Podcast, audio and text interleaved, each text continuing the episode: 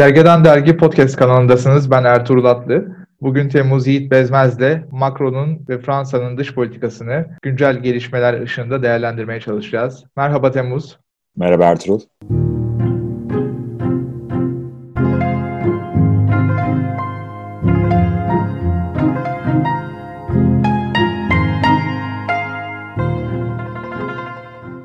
Öncelikle ben Macron'un ilk zamanlarından itibaren e, dış politikada nasıl bir arayışta olduğuna değinmek istiyorum sana sözü devretmeden önce.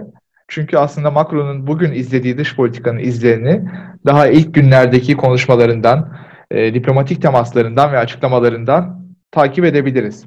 E, Mayıs 2017'de Macron seçilmişti e, senin de bildiğin gibi. Evet. E, ilk Orta Doğu ziyaretini Kasım ayında yaptı. Birleşik Arap Emirlikleri'nin başkenti Abu Dhabi'deki bu ziyaretinde aslında Abu Dhabi Louvre Müzesi'nin açılışını gerçekleştirdiler Veliaht Prens'le birlikte. Bu ilk Orta Doğu ziyareti aslında önemli bir ziyaretti. Çünkü Macron'un hem Louvre Müzesi'nin açılışında yaptığı konuşma hem de Birleşik Arap Emirlikleri ve ardından Suudi Arabistan'da gerçekleştirdiği temaslar dış politikadaki arayışlarının erken izleri, erken e, temsilleri şeklindeydi. Sözünü ettiğim konuşmada da zaten İslam'a yönelik ılımlı mesajlar vermiş ve Birleşik Arap Emirlikleri Veliaht Prensi'nin gözlerinin içine bakarak Fransa bağnaz taraftarlık karşısında her zaman sizin yanınızdadır e, demişti. Tabii aslında Fransa dış politikası açısından düşündüğümüzde e, Birleşik Arap Emirlikleri, Suudi Arabistan gibi körfez monarşileriyle e, yakın ilişki kurulmuş olması şaşırtıcı değil. Ancak e, Macron'un sözünü ettiğim proaktif arayışının asıl karşılık bulduğu noktada aslında bundan sonra başlıyor. Birleşik Arap Emirlikleri'nin ardından planlanmamış bir değişiklikle e, Riyad'a geçti Macron, Suudi Arabistan'a geçti. Suudi Arabistan'da da Veliaht Prens Muhammed Bin Salman'la görüştü. E, o dönem yine hatırlarsan e, Yemen krizin aktif olduğu, sıcak olduğu dönemlerdendi ve aynı zamanda da Lübnan Başbakanı Hariri'nin istifasını verdiği, daha sonra Suudi Arabistan'dan görüntülü bir açıklama yaptığı ve bütün dünya basında acaba kaçırıldı mı sorularının sorulduğu bir dönemdi. Ve e, Macron bu dönemde Riyad'a giderek e, gayri resmi bir şekilde Hariri ile görüşmüş. Ardından Paris'e Hariri'yi davet etmişti. Keza bu ziyarette sonradan gerçekleşti ve Hariri Paris'te bu kez Fransa'nın dış politikada e, ne kadar önemli bir rol üstlendiğini ve tarihsel misyonu gereği bu krizin çözümünde de rol alması gerektiğini ifade eden bir konuşma yapmıştı. Macron'un proaktif dış politika arayışı Orta Doğu'da İran konusunda da bir şekilde temsil buldu. Çünkü aynı dönemi takip eden günlerde 2017-2018 döneminde Amerikan Başkanı Donald Trump'ın Birleşmiş Milletler Güvenlik Konseyi'nin daimi üyeleri ile e, İran arasında imzalanmış olan mutabakatı iptal etme söylemleri karşısında Macron hem bu mutabakatı savunan yani İran'ın nükleer silahlardan arındırılması için bir süreç yürütülmesi gerektiğini savunan hem de İran'a karşı sert güç e, sopa politikasının da bırakılmaması gerektiğini savunan bir çizgideydi. Aslında bu tabii çelişkili görünebilir ama hiç de çelişkili değil. Çünkü Fransa daha önce Avrupa Birliği'nin de izlemiş olduğu bir politika gereği hem İran'la temas kurabilen hem Körfez monarşileriyle iyi ilişkiler kurabilen hem de ait olduğu blok gereği Washington'la e, ilişkisini hiç koparmayan bir aktör olmaya çalışıyordu. Ve İran politikasında da aynı şekilde Fransa hem e, ülke olarak, ulusal olarak hem de Avrupa Birliği adına bağımsız e, dünya politikasında söz söyleme hakkına sahip bir e, proaktif politika arayışı içerisindeydi. Bu politikalar aslında Macron'un bütün dönemine e, yansıdı gibi bugün de farklı şekillerde karşılığını görüyoruz herhalde. E, kesinlikle Ertuğrul. Evet çok doğru önemli noktalara değindin. Ben de senin bıraktığın yerden biraz eklemelerle başlayayım. Ee, öncelikle Macron yani dediğin gibi 2017 Mayıs'ta e, iktidara geldiğinden bu yana e, öncelikle ekonomi anlamında hani kendisi de özel sektörü deneyimlemiş biri olarak yabancı yatırımcıya, inovasyona, girişimciliğe, e, hantal bürokrasiye karşı bir görüntü verirken dış politika anlamında da senin de sözü ettiğin gibi daha müdahaleci, e, Fransa'nın uluslararası meselelerde daha görünür olmasını isteyen ve çoğu konuya e, liderlik etme arayışında olan bir ülke görüntüsü var. Bunlardan başlıcaları öncelikle Macron Birleşmiş Milletler nezdinde ve diğer tüm çok taraflı mekanizmaları harekete geçirmeye çalışan proaktif bir görüntüsü var. Bu yönden aynı aslında e, Chirac'a, Mitterrand'a, Giscard'a benzetebiliriz.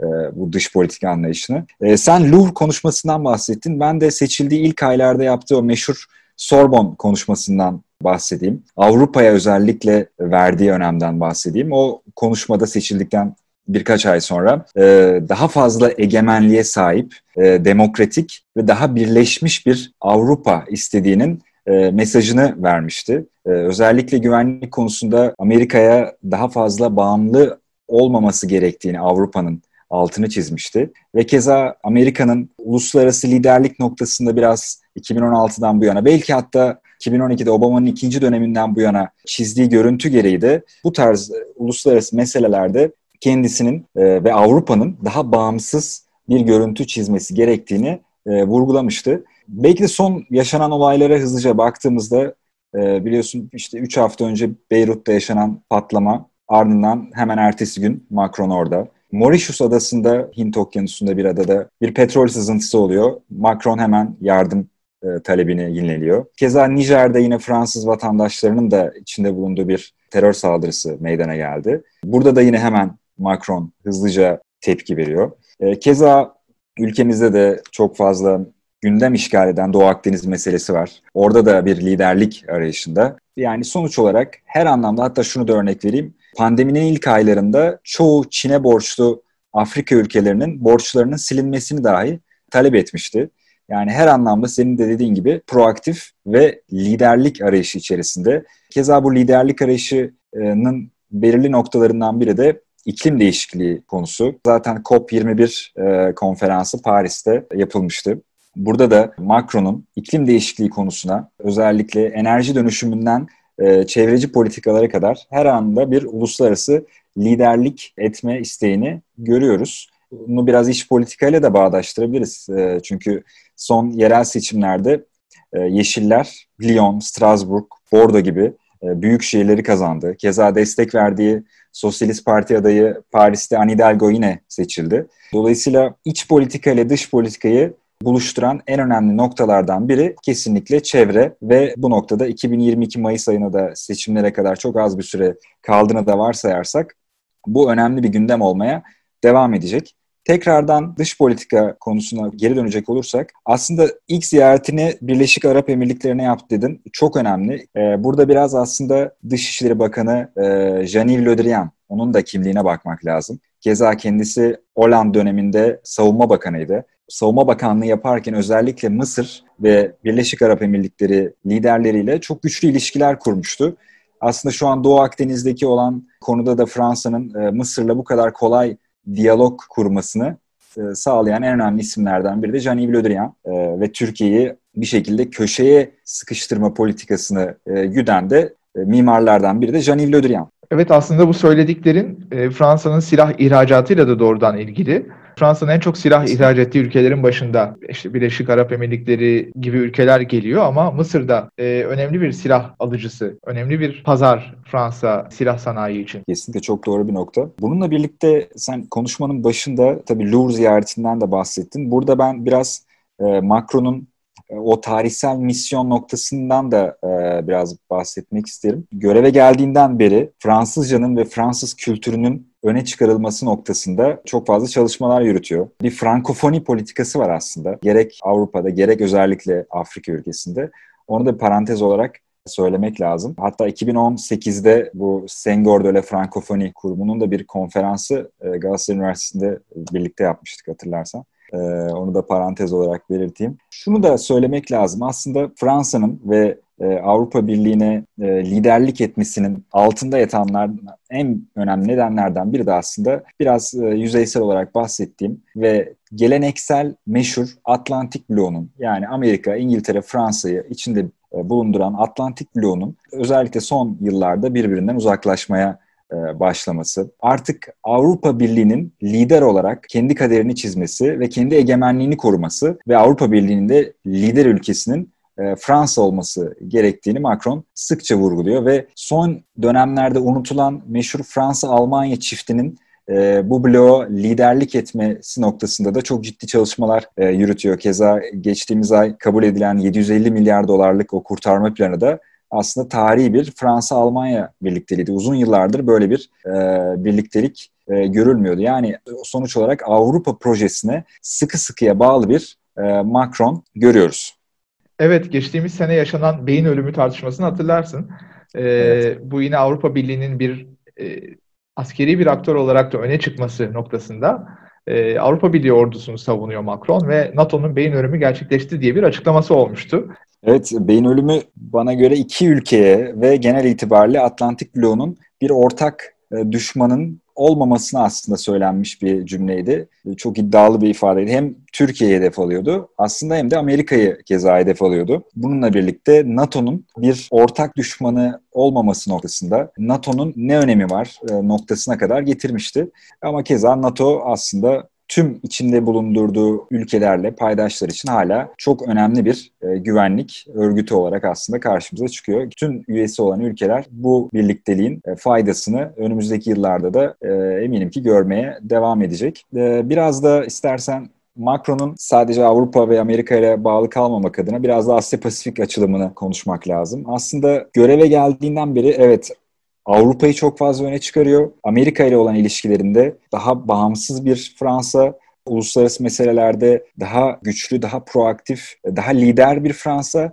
Ama bir yandan da tabii ki Asya yüzyılında olduğumuzu da unutmamak lazım. Ee, bana göre Macron da bunun aslında e, çok iyi bir şekilde bilincinde. Avrupa Birliği'nin özellikle son dönemde yaptığı yeni nesil tırnak içinde serbest ticaret anlaşmaları var. Başta Vietnam'la, Singapur'la, ee, Avustralya ve Yeni Zelanda ile de bu yılın sonunda imzalanması bekleniyor. Keza ASEAN grubunun Güneydoğu Asya Ülkeleri Birliği'nin de en büyük partneri şu an Fransa konumunda. Ancak şunu da ifade etmekte fayda var. Tabii ki Orta Doğu hala çok önemli bir e, çatışma alanı olarak ve çıkar alanı olarak kalıyor. Avrupa projesini yeniden canlandırma ve yeniden ona bir misyon yükleme peşinde. Dolayısıyla 3 yıllık döneme baktığımız zaman aslında Asya Pasifik'e yeteri kadar da belki önemin Macron tarafından çeşitli nedenlerle sağlanamadığını da görüyor olabiliriz. E, bu noktada her zaman ortak çalışılması gereken ama Avrupa Birliği'nin de stratejik rakip olarak takip ettiği bir Çin gerçeği de var. E, keza Çin'in seninle daha önceki podcastimizde de konuştuğumuz bir 5G hamlesi var. Kuşak ve Yol inisiyatifi hamlesi var.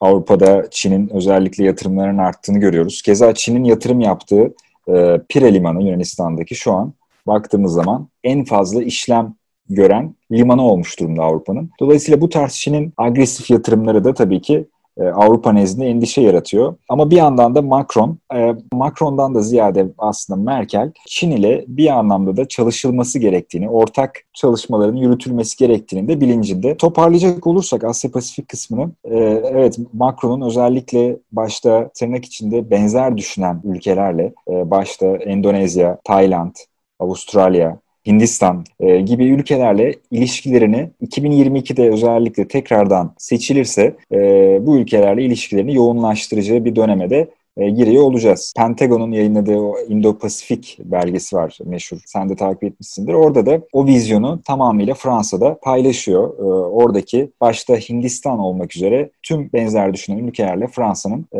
daha yoğun çalışacağını e, görüyoruz. Evet anladığım kadarıyla Fransa'nın Asya politikası henüz yeni yeni şekilleniyor, yeni yeni derinleşiyor. Ee, güzel özetledin Temmuz. Yeniden bizim coğrafyamıza yakınlaşacak olursak e, bir Doğu Akdeniz meselesine değinmek gerekir. Çünkü Doğu Akdeniz şu an uluslararası gündemin en sıcak konularından bir tanesi ve Fransa'da Doğu Akdeniz'le doğrudan ilgilenen devletlerden biri. Fransa'nın tabi Doğu Akdeniz'e olan ilgisi yeni değil. Uzun zamandır Fransa Doğu Akdeniz'deki gelişmeleri yakından takip ediyor ve e, çeşitli vesilelerle buradaki krizlere müdahil olmaya çalışıyor. Bunun tabii çok çeşitli sebepleri var. Bunların başında enerji geliyor. Doğu Akdeniz enerjisi konusunda Fransa özellikle Avrupa Birliği üzerinden e, Avrupa Birliği'nin buradaki üye ülkeleri Yunanistan ve Güney Kıbrıs Rum yönetimi üzerinden söz sahibi olmaya çalışıyor. Tabii buna ek olarak Fransa'nın Doğu Akdeniz'de kıyısı olan eski sömürge ülkeleri var ve elbette 2011'den beri istikrara kavuşamamış olan Libya meselesi var. Libya'da da Fransa'nın önemli bir aktör olduğunu görüyoruz. Tabii bu üç başlıkta özetlemeye çalıştığım meseleler kesinlikle birbirinden ayrılamaz. Birbiriyle doğrudan bağlantılı e, meseleler. Fransa'da zaten hem Lübnan politikasını hem Libya politikasını hem e, Türkiye-Yunanistan krizindeki politikasını e, bölgedeki genel çıkarları doğrultusunda belirliyor. Enerji meselesinden e, belki başlayabiliriz. Bildiğimiz gibi çok sıcak bir konu.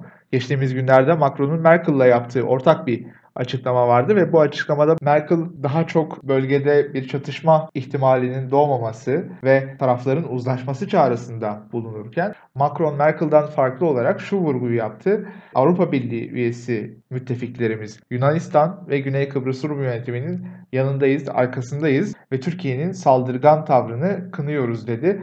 E, Fransız Dışişleri Bakanlığı'nın bültenlerine de basın e, bültenlerine de bu yaklaşım yansıyor. Fransa Doğu Akdeniz'deki enerji ihtilafında açık ve net bir şekilde Yunanistan'ın merkezinde bulunduğu ittifaktan yana e, tavır almış görünüyor. Tabii Fransa'nın Doğu Akdeniz'deki enerji meselesine ilgisi yalnızca politik bir ilgi olarak değerlendirilemez. E, zira Total şirketi, Fransa'nın büyük e, enerji şirketi bölgede bazı enerji yataklarında arama ruhsatı sahibi Güney Kıbrıs Rum yönetimiyle yapmış olduğu anlaşmalar neticesinde.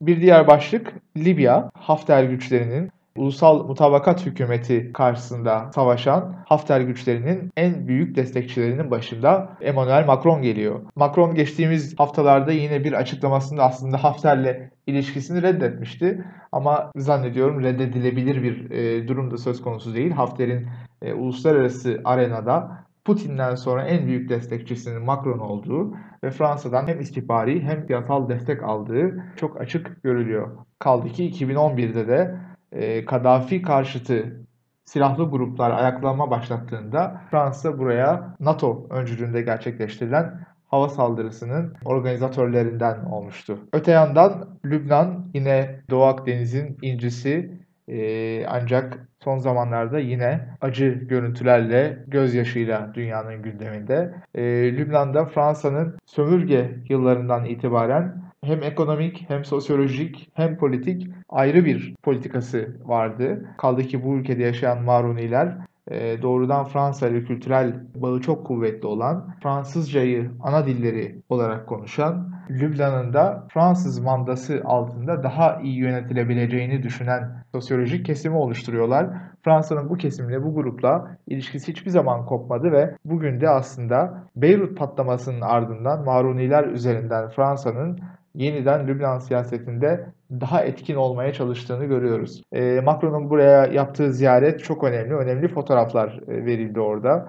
Lübnan halkının özellikle Hristiyan Lübnanlıların e, Macron'a olan ilgisi, Macron'un daha önce Fransız diplomasisinde görülmedik düzeyde Lübnan'ın iç siyasetine müdahale eder konuşmaları ya bu yönde vermiş olduğu vaatler e, Lübnan'da bir reform sürecini başlatmak istediğini ve uzun vadede de aslında Hizbullah'ı bu ülke siyasetinden tasfiye etmeye çalıştığını söyleyebiliriz. Geçtiğimiz haftalarda yine Gergedan'da Oğul Tuna'nın derlediği Lübnan dosyasında çok değerli isimler bu meseleyi değerlendirdiler. Bizim de e, Temmuz'da Galatasaray'dan hocamız Tolga Bilener e, Macron'un Lübnan'da ne amaçladığını kısaca anlatıyor.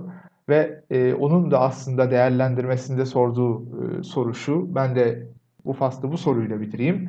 E, Macron'un bir takım hedefleri var evet ama Fransa'nın hem Doğu Akdeniz'de hem de Lübnan'da bu hedefleri gerçekleştirme, takip etme kapasitesi ne durumda 21. yüzyılda ve Batı hegemonyasının bu denli sarsıldığı bir dönemde? Evet çok önemli noktalara e, dikkat çektin. Aslında Fransa'nın gelen hükümetler nezdinde belirli çıkarlar ortak kalsa da gelen kişilerin e, ve gelen partilerin aslında çok net bir çerçeve çizdiğini ve dış politikada bazen U denilebilecek değişiklikler yaptığını da e, görebiliyoruz, şahit olabiliyoruz. E, örneğin mesela e, Amerika'nın Irak işgali sırasında e, 2003 yılında Dominique de Villepin dönemin Dışişleri Bakanı bir Birleşmiş Milletler'de bir konuşma yapmıştı. E, çok net bir şekilde işgali, barbarlığı tanımış bir Avrupa ülkesi olarak geçmişi unutmuyoruz diyerek işgal koalisyonuna Fransa'nın katılmasını reddetmişti. Ama tam tersi bir durum örneğin 2011'de e, Sarkozy Cumhurbaşkanı iken tek taraflı olarak çoğu zaman e, Fransız ordusu e, Libya'ya bombalar yağdırmaktan da çekinmemişti. E, dolayısıyla çok hızlı değişen bir anlayış da söz konusu dış politikada. Ee, ama şunu da eklemekte fayda var. Türkiye'de çok fazla bazı analizlerde karıştırıldığı görülüyor. Fransa'nın sanılanın aksine dış politik hamleleri iç siyaseti aslında bu kadar da etki etmiyor. Ama baktığımız zaman yani şu an Fransa'nın Macron hükümetinin yeni e, atadığı e, Jean Castex hükümetinin daha doğrusu temel gündemi ekonomi ve çevre. Ee, dış politika tabii ki özellikle belki 2022 yılına doğru daha da önem kazanacaktır. Ama temel iki ana maddenin dışına özellikle seçimler, e, seçim kampanyaları sırasında çıkılacağını düşünmüyorum. Keza burada Jean Castex'e de bir parantez açmak lazım. Klasik bir Fransız bürokrat, e, Sciences Po ENA mezunu. Tamamıyla iki yıl boyunca Fransa'nın iç meselelerine yoğunlaşacak bir hükümet kurdu. Ve bu da Macron'un özellikle dış politika konularında, özellikle Fransa'nın liderlik arayışında olduğu konularda daha görünür olmasını sağlayacak. Keza iç meseleler tamamen Jean Castex hükümeti tarafından yönetilmeye e, devam edilecek. Castex hükümetinin Dışişleri Bakanı Le Drian mı yine? E, Le Drian evet. Le Drian ve Bruno Le Maire, ekonomi bakanı aslında e, yeni hükümette kalan en önemli iki isim. Tabii ki Jean Castex bilinçli yapılmış bir tercih. Fransa'da özellikle pandemi döneminde, pandeminin başlangıcıyla öne çıkmış bir isim. Monsieur Deconfinement olarak biliniyor aslında. Ve Fransa'nın da İspanya sınırındaki Pirene Oriental bölgesinde bir belediye başkanlığı da yapmış. İç politikayı çok iyi bilen, yerel yönetimlere çok iyi bilen biri olarak karşımıza tipik bir Fransız bürokratı zaten École Nationale Administration Fransa'nın meşhur bürokrat yetiştiren okulundan da mezun. Enark olarak da biliniyor. Dolayısıyla yerel meseleler, ekonomi ve çevre bağlamında tamamıyla Castex hükümeti tarafından yönetilecekken tüm bu konuştuğumuz e, dış politika meseleleri de Macron'un daha da ön plana çıkmasıyla şekillenecek gibi duruyor. Evet, Macron liderliğinde Fransa dış politikasının son dönemini konuşmaya çalıştık hızlıca. Teşekkürler Temmuz. Teşekkürler Ertuğrul.